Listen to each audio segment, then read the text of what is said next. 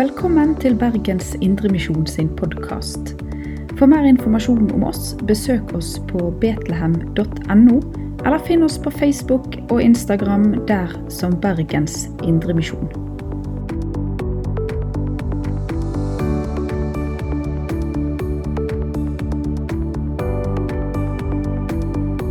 Ja, takk for nydelig sang og en flott introduksjon til temaet vårt i kveld om bønn. Og under et semesteremne om bønn så er det naturlig å ha en bibeltime om forbønnens tjeneste, slik som dere har lagt opp. Og jeg må si tusen takk for invitasjonen. Det er ikke så ofte jeg har vært og talt i Betlehem. Jeg er blitt eh, introdusert, og det er ikke så ofte at jeg blir eh, framheva som eh, en gutt fra Ølensvåg. Eh, det er en del av min identitet.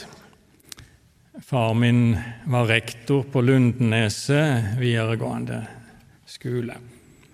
Vi kom dit i 1965. Da starta den skolen opp. Da var jeg elleve år. Før det hadde jeg bodd på Karmøy i noen år, og så hadde jeg bodd på Drottningborg eh, ved Grimstad. Eh, litt seinere så for jeg til Stord og gikk på gymnaset der. Så eh, reiste jeg til Oslo og begynte på Fjellhaug misjonsskole. Jeg gikk der i fire år, og så gikk jeg et par år på Menighetsfakultetet og fikk en cand.theol.-eksamen. Så var jeg et år på Håkonsvern og var marineprest. En tur til England for å studere litt språk, og så reiste jeg med familien til Japan. Da er vi kommet til 1980. Så var jeg der i 16 år, mer eller mindre sammenhengende. Og kom til Bergen og NLA i 1996. Så var jeg der fram til 2010, men hadde en toårsperiode i Japan mens jeg var på NLA.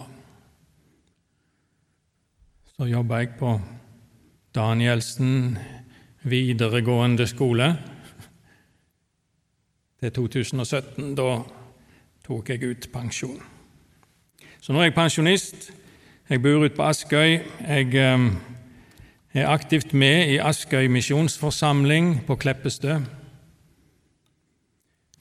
Um, jeg er med i gjenbruksbutikken som vi har på bedehuset der.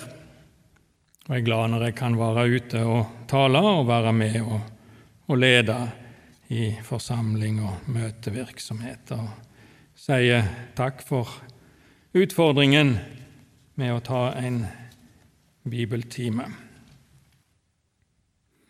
Jeg har fire barn og fire svigerbarn og sju barnebarn.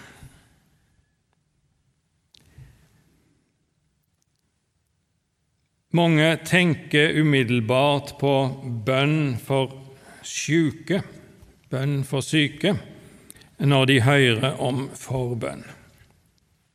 Og Vi skal innom den sida, men forbønn er så mye mer enn det. Som det norske ordet antyder, så er det bønn for andre.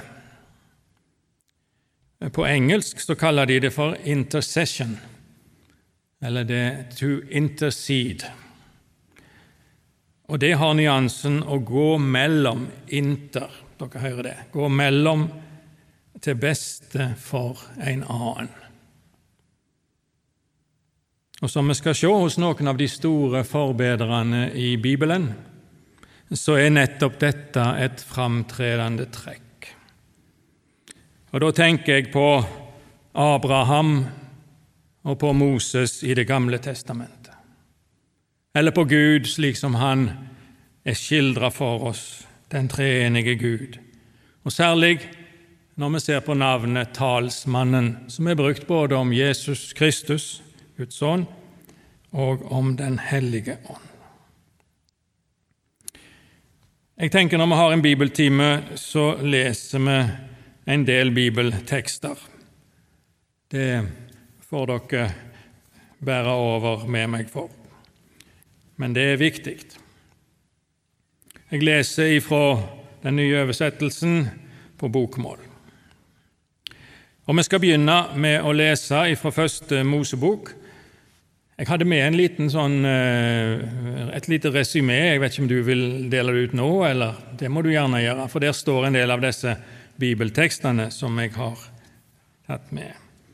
Første Mosebok 18. Og Da er vi i Abrahams historie, og han ber for Sodoma og Gomorra, står det. Og Herren sa, fra vers 20, og Herren sa, høyt er klageropet over Sodoma og Gomorra for synden der er svært stor. Klageropet har nådd meg, nå vil jeg stige ned og se om de virkelig har handlet så ille, og hvis ikke vil jeg vite det. Så gikk mennene derfra, de tok veien mot Sodoma, men Abraham ble stående for Herrens ansikt. Abraham gikk nærmere og sa, Vil du virkelig rive bort de rettferdige sammen med de urettferdige? Kanskje finnes det 50 rettferdige i byen. Vil du likevel rive dem bort? Vil du ikke bære over med stedet på grunn av de 50 rettferdige som er der? Det ligner ikke deg å gjøre noe slikt og la rettferdige dø sammen med urettferdige. Skal det gå den rettferdige på samme måte som den urettferdige? Det ligner ikke deg, må ikke hele jordens dommer gjøre det som rett er. Da sa Herren, Finner jeg 50 rettferdige i Sodoma, vil jeg bære over med hele stedet for deres skyld. Til det svarte Abraham, se, jeg har dristet meg til å tale til Herren, jeg som er støv og aske. Kanskje mangler det fem på de 50 rettferdige. Vil du ødelegge hele byen på grunn av disse fem? Han svarte, jeg skal ikke ødelegge den hvis jeg finner 45 der. Abraham fortsatte å tale til ham. Kanskje finnes det 40 der, sa han. Han svarte, Jeg skal ikke gjøre det for de 40s skyld. Da sa Abraham, Herren må ikke bli harm om jeg taler. Kanskje finnes det 30 der. Han svarte, Jeg skal ikke gjøre det hvis jeg finner 30 der. Abraham sa, Se, jeg har dristet meg til å tale til Herren. Kanskje finnes det 20 der. Han svarte, Jeg skal ikke ødelegge den for de 20s skyld. Da sa Abraham, Herren må ikke bli harm om jeg taler en eneste gang til. Kanskje finnes det ti der. Han svarte, Jeg skal ikke ødelegge den for de tis skyld. Da Herren var ferdig med å tale til Abraham, gikk han, og Abraham vendte hjem. Abraham gikk imellom, imellom for folket i Sodoma og Gomorra. En fantastisk historie. Dette er, er bønn, dette er forbønn. Og vi har noe lignende hos Moses. I andre Mosebok, kapittel 8, vers 28 til 30. Og nå er vi inne i disse ulykkene, disse plagene som kom over egypterne. Da sa farao, vers 28, da sa farao, jeg lar dere dra så dere kan ofre til Herren deres Gud i ørkenen, men dere må ikke dra for langt bort, gå i forbønn for meg. Moses svarte, Nå går jeg bort fra deg og går i forbønn hos Herren. I morgen skal insektsvermene være borte fra farao og tjenerne hans og folket hans. Men farao må ikke lure oss en gang til, men la folket dra, så de kan ofre til Herren. Så gikk Moses bort fra farao, og han gikk i forbønn hos Herren. Og Herren gjorde slik Moses hadde sagt. Og i kapittel 10 vers 16-18. Da sendte farao i all hast bud etter Moses og Aron. Han sa, Jeg har syndet mot Herren deres Gud og mot dere, men tilgi meg nå denne ene gangen og gå i forbønn for meg hos Herren deres Gud, så han tar denne døden bort fra meg. Moses gikk så bort fra farao og gikk i forbønn hos Herren. Slik leser vi om Moses og hans forbønn for egypterne for disse som viste seg som motstandere mot Israels folk. Men han gikk i forbønn for dem. Og Hvis du slår opp i ei bibelordbok på ordet forbønn, så er det steder som dette du vil få opp. Han gikk i forbønn for folket. Han gikk imellom. Intercession, som det heter på engelsk. I Det nye testamentet så møter vi Jesus eh, som den store forbederen. Og Jesu forbønn for sine er det mektigste forbønns- og bønneeksempelet vi har i Bibelen. Og Da kan vi gå til Johannes evangeliet, kapittel 17. Der skal vi lese det kapitlet. Det er Jesu ypperste prestlige bønn. Da Jesus hadde sagt dette, løftet han blikket mot himmelen og sa, Far, timen er kommet, herliggjør din sønn, så sønnen kan herliggjøre deg. For du har gitt ham makt over alle mennesker, for at han skal gi evig liv til alle som du har gitt ham. Og dette er det evige liv, at de kjenner deg, den eneste sanne Gud, og ham du har sendt, Jesus Kristus. Jeg herliggjorde deg på jorden da jeg fullførte den gjerning du ga meg å gjøre. Far, gi meg nå din herlighet, den herligheten som jeg hadde hos deg før verden ble til. Jeg har åpenbart ditt navn for de menneskene du ga meg fra verden. De var dine, og du ga meg dem, og de har holdt fast på ditt ord. Nå vet de at alt som du har gitt meg, er fra deg.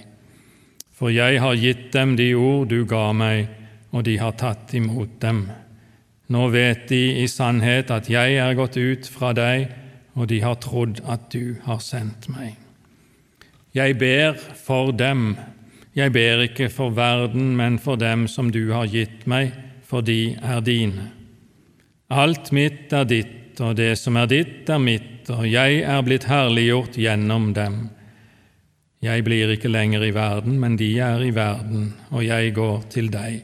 Hellige Far, bevar dem i ditt navn, det navnet du har gitt meg, så de kan være ett, slik som vi er ett.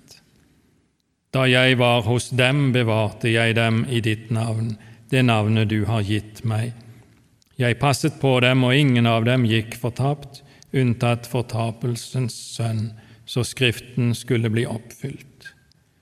Nå kommer jeg til deg, men dette sier jeg mens jeg ennå er i verden, for at de kan eie min glede i fullt mål.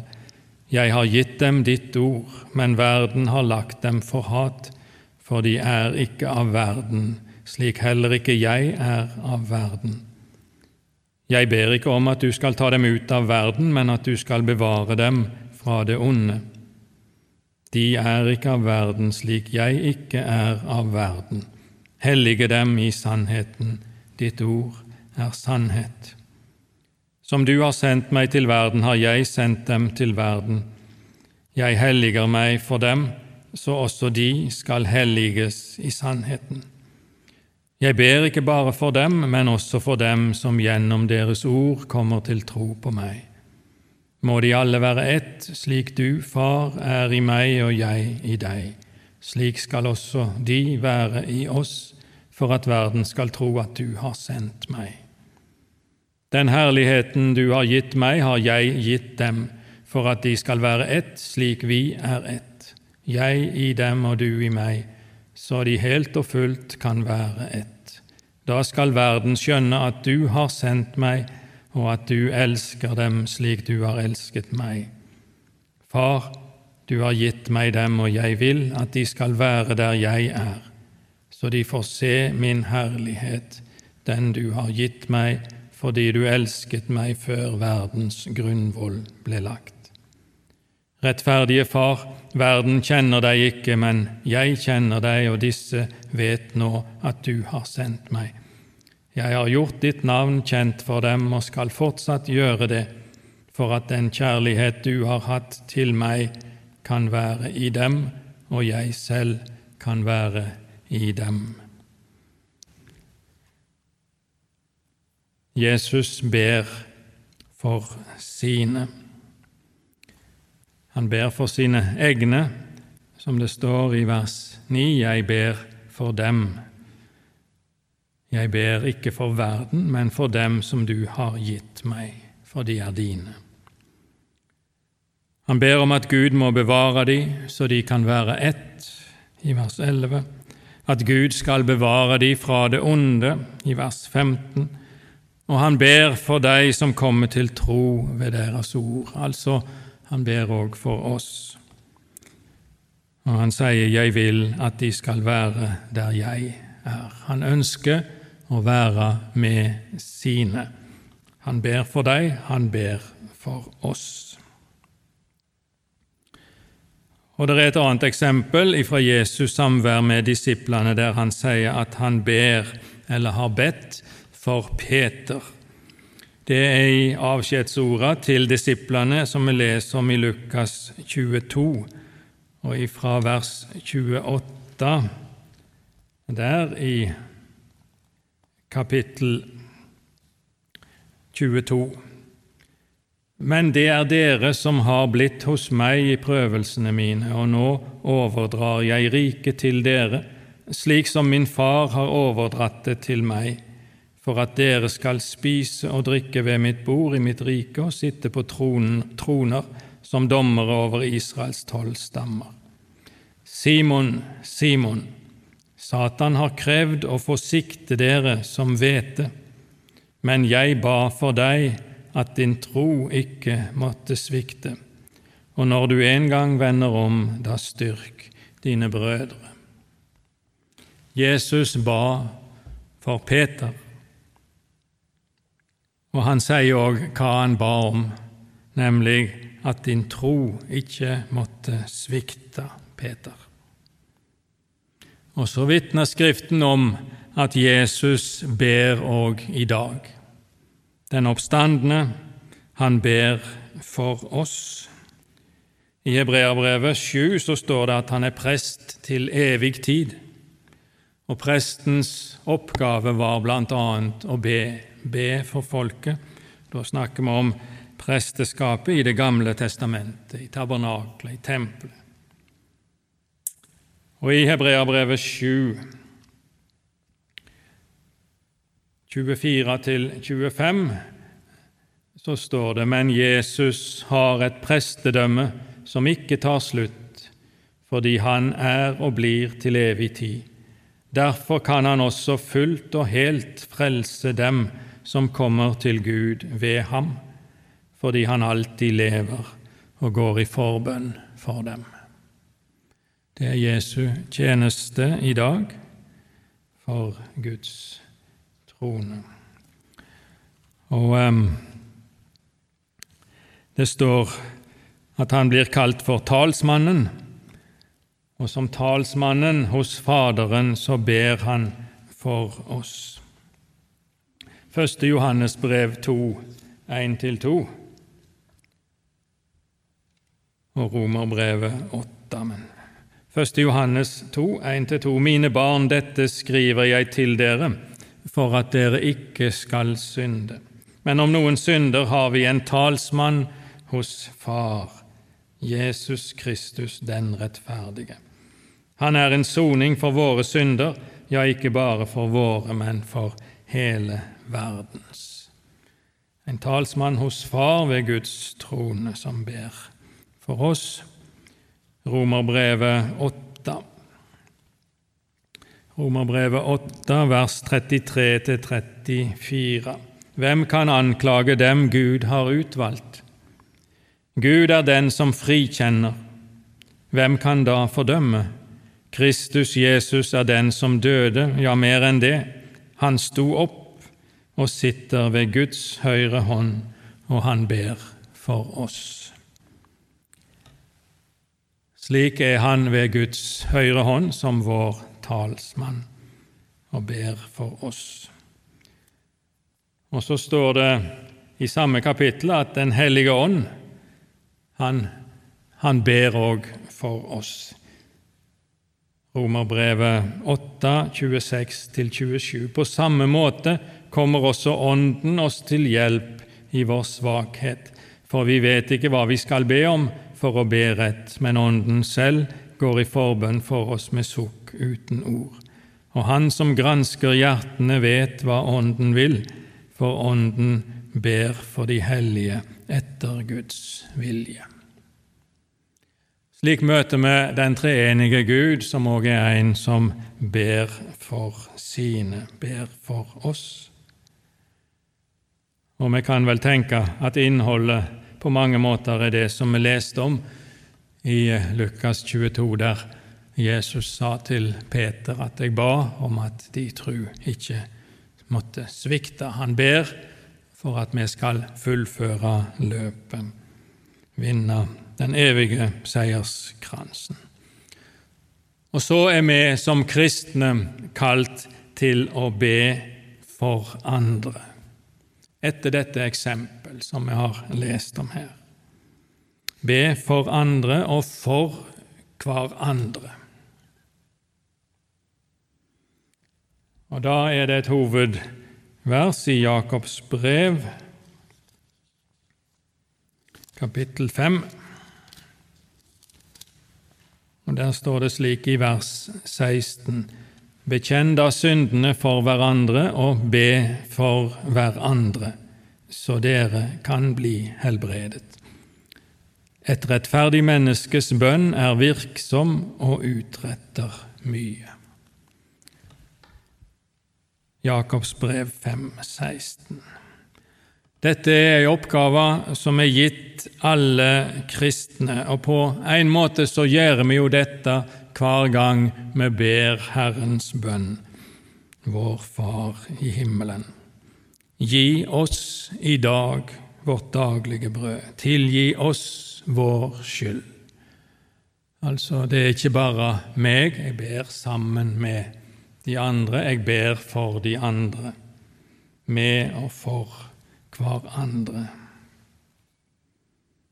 Så gjelder det oss alle, og så leser vi i eh, Det nye testamentet at det er noen som har det som ei spesiell oppgave.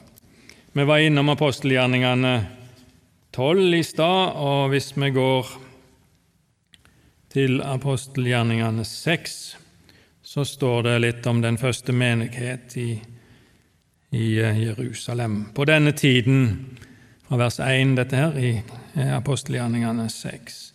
På denne tiden, da tallet på disipler stadig steg, kom de gresktalende jødene med klager mot de hebraisktalende fordi deres egne enker ble tilsidesatt ved den daglige utdelingen. De tolv kalte da sammen alle disiplene og sa det ville være galt om vi forsømte Guds ord for å gjøre tjeneste ved bordene. Velg nå ut blant dere brødre sju menn som har godt ord på seg og er fylt av ånd og visdom. Dem vil vi sette til denne oppgaven, så skal vi vie oss til bønnen og tjenesten med ordet. Dette har noe med arbeidsdelingen å gjøre, med de ulike nådegaver. Og så er det noen som skal vie seg til bønnen og tjenesten med Ordet. Slik er det i Guds menighet, men det betyr ikke at ikke alle har del i oppgaven med å be for og med hverandre.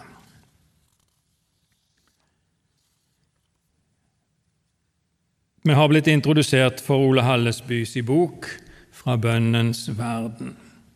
Han skriver i den ganske mye om bønnens arbeid, og det er nok det som toucher mest inn på det som er vårt tema i kveld, om, om forbønn, forbønnens tjeneste. Han kaller det bønnens arbeid, og der skriver han bl.a. om bønnen for de nærmeste, de vi omgås hver dag og kjenner godt. Og På en måte så er det veldig naturlig, og på en annen måte så kan det være litt vanskelig å be for disse. Han nevner òg bønnen for Guds rikes arbeidere. Bønn om arbeidere, slik Jesus sier i Matteus 9, 35-38, der han peker på høsten og sier høsten er stor, men arbeiderne få. Be derfor høstens herre at han vil sende arbeidere ut til sin høst. Bønn om arbeidere, det er en type forbønn. Bønn for de som er i spesielle forkynnerstillinger. Misjonærer nevner Hallesby, prester. Han nevner lærerne, som han har et, en spesiell omsorg for. Emissærer, ledere, predikanter nevner han i, i denne boka si. Og så sier han 'be for møtene' der disse står fram og taler Guds ord. Og så har han et hovedpunkt når det gjelder bønnens arbeid bønn om vekkelse, eller bønn for de ufrelste, som han òg kaller det. Et spennende, interessant kapittel i Ole Hallesby sin bok. Og Noe av det som han understreker der, det er at bønn er arbeid. Og han sier det er et arbeid som ikke kan erstattes. Det kan ikke gjøres på annen måte enn gjennom bønn. Og det krever flid og utholdenhet, plan og målbevissthet. Og Så understreker han at det er først og fremst et åndelig arbeid. Det er noe som Den hellige ånd må drive oss til. Les gjerne i denne boka, som var utgitt i 1927, var det det du sa? Det er jo nesten 100 år siden. Apostelen Paulus han ba om forbønn for seg og sin tjeneste. Det er sikkert noe av bakgrunnen for det Ole Hallesby skriver om at be for arbeiderne, be for predikantene, be for prester og lærere og emissærer. Paulus ba om forbønn for seg og sin tjeneste, og ba veldig mye og uavlatelig, om vi kan si det slik, for sine menigheter. Og vi kunne lest nesten hvor som helst i hans brev. Jeg har konsentrert meg litt om Timoteus, eh, Tessalonikerbrevene, unnskyld, Tessalonikerbrevene. Første Tessaloniker 5,25, der sier han ganske enkelt 'Be for oss, søsken', sier han i vers 25. Og går vi til andre Tessaloniker 3, fra vers 1. Til slutt, søsken, be for oss om at Herrens ord må få fritt løp og holdes i ære, slik som hos dere og be om at vi må bli reddet fra dårlige og onde mennesker, for det er ikke alle som tror. Paulus trengte at eh, menighetene ba for han, for hans tjeneste. Han er veldig konkret. Romerbrevet 15, helt på slutten av romerbrevet, vers 30 til 31 jeg ber dere søsken ved vår Herre Jesus Kristus og ved den kjærlighet som Ånden gir, kjemp sammen med meg ved å be til Gud for meg. Be om at jeg må bli berget fra de vantro i Judea, og om at de hellige i Jerusalem må ta godt imot hjelpen jeg bringer. Be for meg, be for den tjenesten som jeg har, den oppgaven som jeg har sier Paulus. Og I Feserbrevet 6 da har han skrevet om utrustningen i åndskampen. Og så sier han til slutt, fra vers 18 i Efeserne 6.: Gjør dette i bønn, og legg alt fram for Gud, be alltid i Ånden, våk og hold ut i bønn for alle de hellige, også for meg. Be om at de rette ordene må bli gitt meg når jeg skal tale, så jeg frimodig kan gjøre evangeliets mysterium kjent. Helt konkret be om at jeg må få de rette ordene når jeg skal tale, skal gjøre evangeliet kjent. Be for meg. Og så var Paulus òg en som ba for sine, sine menigheter. Andre Tessalonika-brev 1, vers 11 og utover. Derfor ber vi alltid for dere at vår Gud må gjøre dere verdige til det kallet dere har fått, og fylle dere med all vilje til det gode, og med en tro som med kraft viser seg i gjerning. Og Vi kunne slått opp i Paulus sine brev mange plasser der han sier at han ber for menighetene, ber for de han tidligere har møtt, de han har forkynt ordet for. Så tenker jeg tilbake på mitt eget liv, og nå har dere fått hørt litt om det som jeg har gjort. og Jeg må jo si at jeg er blitt utsatt for forbønn ved mange eh, anledninger, til dels uten at jeg visste om det sjøl, men det gleder meg veldig å høre om folk som ba for meg. Jeg ble bedt for ved dåpen, ved konfirmasjonen, ved bryllupet, både av presten og av foreldre, familie og venner. Jeg blei innvia til misjonær med bønn og håndspåleggelse. Det var på ungdommens landsmøte på Karmøy i 1980. Og jeg har fått forbønn i tjenesten ved ulike anledninger siden den tid. En eldre kar som heter Ole, bodde i Vikebygd. Han eh, kom når vi skulle reise til Japan i 1980. Og Så sa han det at 'jeg har bedt for deg siden du begynte på misjonsskolen'. Det var i 1973. Og jeg vil fortsette å be for deg og familien nå når dere reiser ut. En fantastisk rikdom, styrke for oss i tjenesten. Så døde Ole, jeg husker ikke helt hva tid det var, om det var i løpet av vår første periode eller vår andre periode, vi var ute fire år om gangen. Men det var i alle fall slik at når han var borte, så var det et savn og en, en sorg som vi kjente på. en trofast forbeder som var gått bort. Vi var i Japan fram til 1996, nevnte jeg, og i januar 1995 var det et svært jordskjelv i Kobe, eh, der vi bodde. Og Det kan jeg godt si at jeg unner ingen av dere å oppleve et slikt jordskjelv. Det tok på både fysisk og psykisk ganske mye. Og vi var langt nede på mange vis etter jordskjelvet, og det var ganske mange som døde i Kåbe eh, under dette jordskjelvet. Men vi merka det og kjente på det i ettertid, at nå er det mange som ber for oss.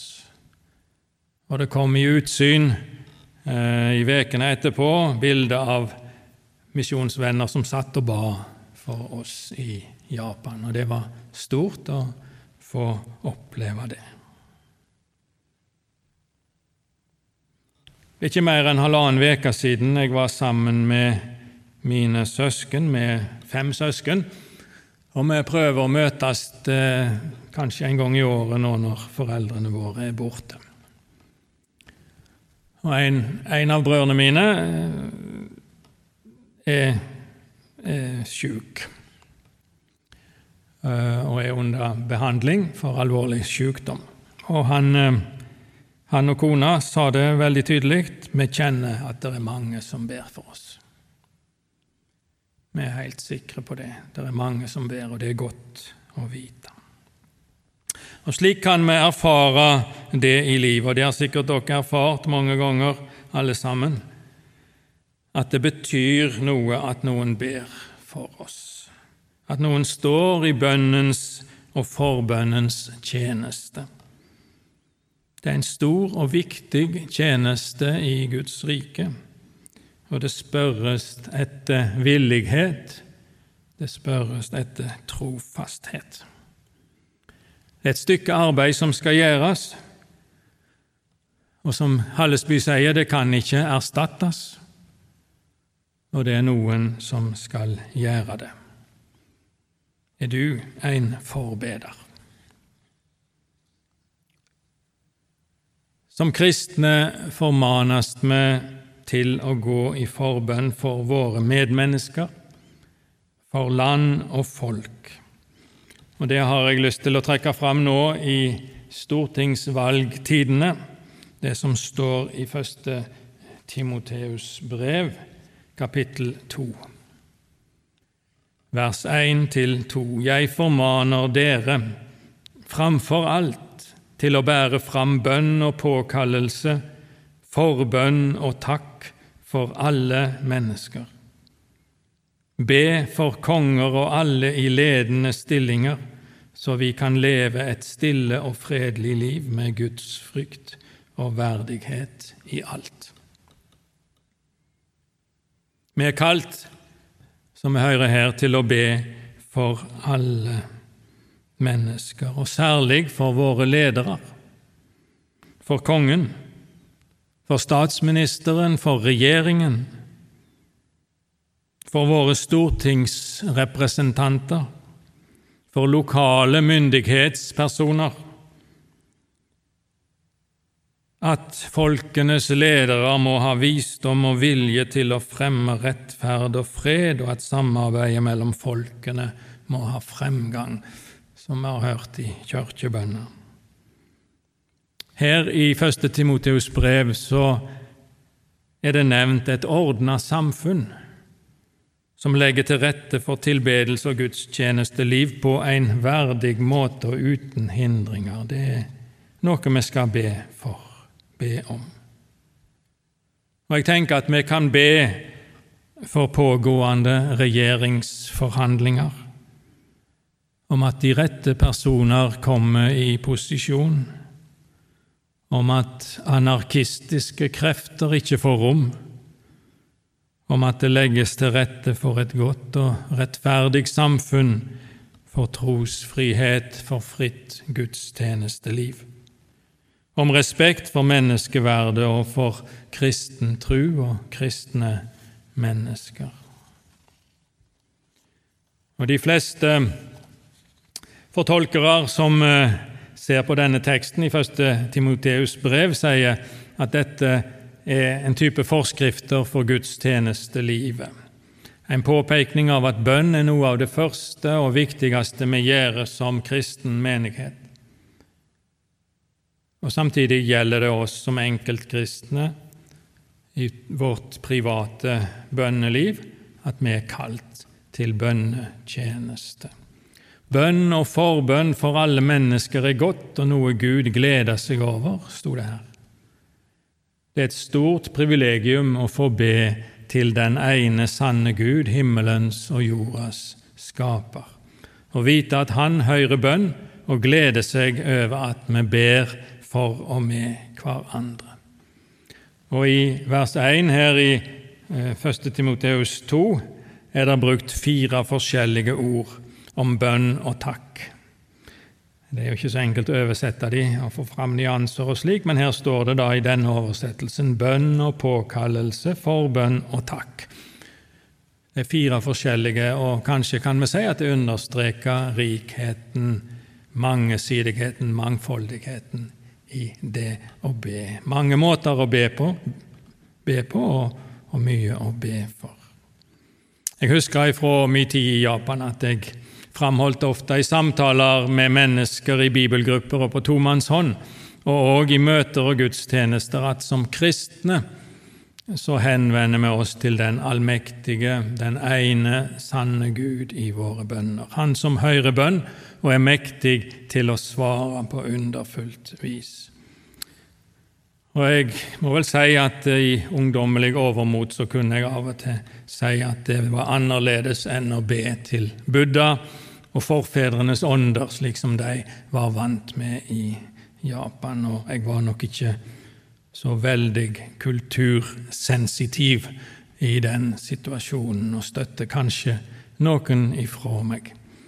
Så ble jeg høfligere med alderen, men likevel så er det sant at det er et privilegium å kunne be til den sanne, den levende Gud. Det er det vi gjør. Så er det en variant av forbønnen som alltid har vært viktig i den kristne kirka, og det er forbønnen for syke og døende.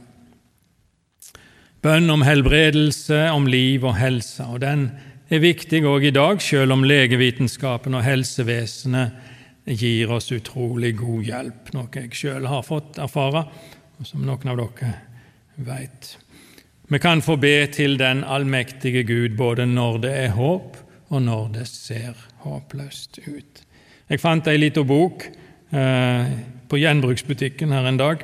Kjell Petter Dahl, 'Bønn for syke', heter den. Den virka ganske edruelig, om jeg skal si det slik. Den var, den var, var fin. En lite hefte, utgitt i 1996 eller noe slik, eh, eller 1990 kanskje det var, i en Oase-serie. Men eh, hvis dere finner den, se gjerne gjennom den. Jeg er snart ferdig, men vi skal bare se på et sted som sier litt om dette med bønn for syke. Jakobs brev 5, 13-15. Er, er det noen blant dere som lider? Da skal han be. Er noen, glad, noen glade til sinns? Da skal han synge lovsanger. Er noen blant dere syke? Han skal kalle til seg menighetens eldste, og de skal be over ham og salve ham med olje i Herrens navn. Da skal troens bønn redde den syke, og Herren skal reise ham opp. Har han gjort synder, skal han få dem tilgitt. Her er det tale om å be for den som er syk. Og Det sies noe om framgangsmåten, om salving og tilkalling av menighetens eldste. Ikke som et magisk rituale, men til trygghet for den syke, som skal behandles med all mulig respekt. Så får vi legge han eller henne i Guds hånd og overlate resultatet, overlate helbredelsen, til Gud. Og det skjer helbredelser i slike tilfeller i vår tid. Kanskje flere enn vi aner, for det er ikke alltid rett eller ønskelig å utbasunere dem for andre enn en engere krets. Det er Gud som helbreder, ikke vi. Ikke våre varme hender eller vår inderlighet i bønnen Og så har vi allerede blitt minnet om at det ikke alltid det skjer noe synlig. For noen kan det være problematisk, og de som spotter oss, kan få vann på mølla. Men det er ikke vi som kommanderer Gud. Og her, som i alle andre ting, så er det godt å vite at alle ting tjener deg til gode som elsker Gud. Og så er det vår evige tilstand som teller mest, det evige liv, når alt kommer til alt. Og Så vet jeg at eh, Gunnar Ferstad er bedt om å ta opp det neste uke, når Gud ikke svarer på bønn. Så da får dere samles rundt det. Den viktigste forbønnsarenaen for de fleste av oss er våre nærmeste, vil jeg tro. familien, barn og barnebarn. Kanskje oldebarn for noen av dere. Jeg ber daglig om frelse for alle mine. Tenk at det skal ikke bli lett for barnebarna å vokse opp i et gjennomsekularisert samfunn med et stort ateistisk gjennomslag i vår kultur, som helst vil rekne Gud som unødvendig, ja, mest som plagsom.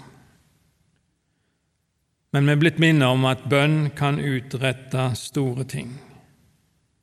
Glem ikke barn, barnebarn, oldebarn når du ber.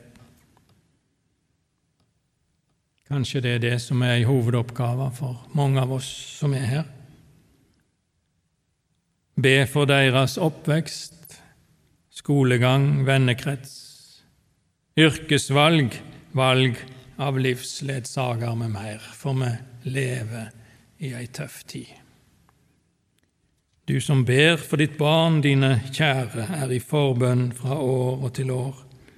Om du tålmodets lekse må lære, himmelens bønnesvar en gang du får. Det er svar underveis, engler kommer med bud. Om det drøyer, det fram dog skal nå. For det lovet jo løftenes trofaste Gud. Kall på meg, og du hjelpen skal få. Du har lytta til Bergens Indremisjon sin podkast. For mer informasjon om oss, besøk oss på betlehem.no, eller finn oss på Facebook og Instagram der som Bergens Indremisjon.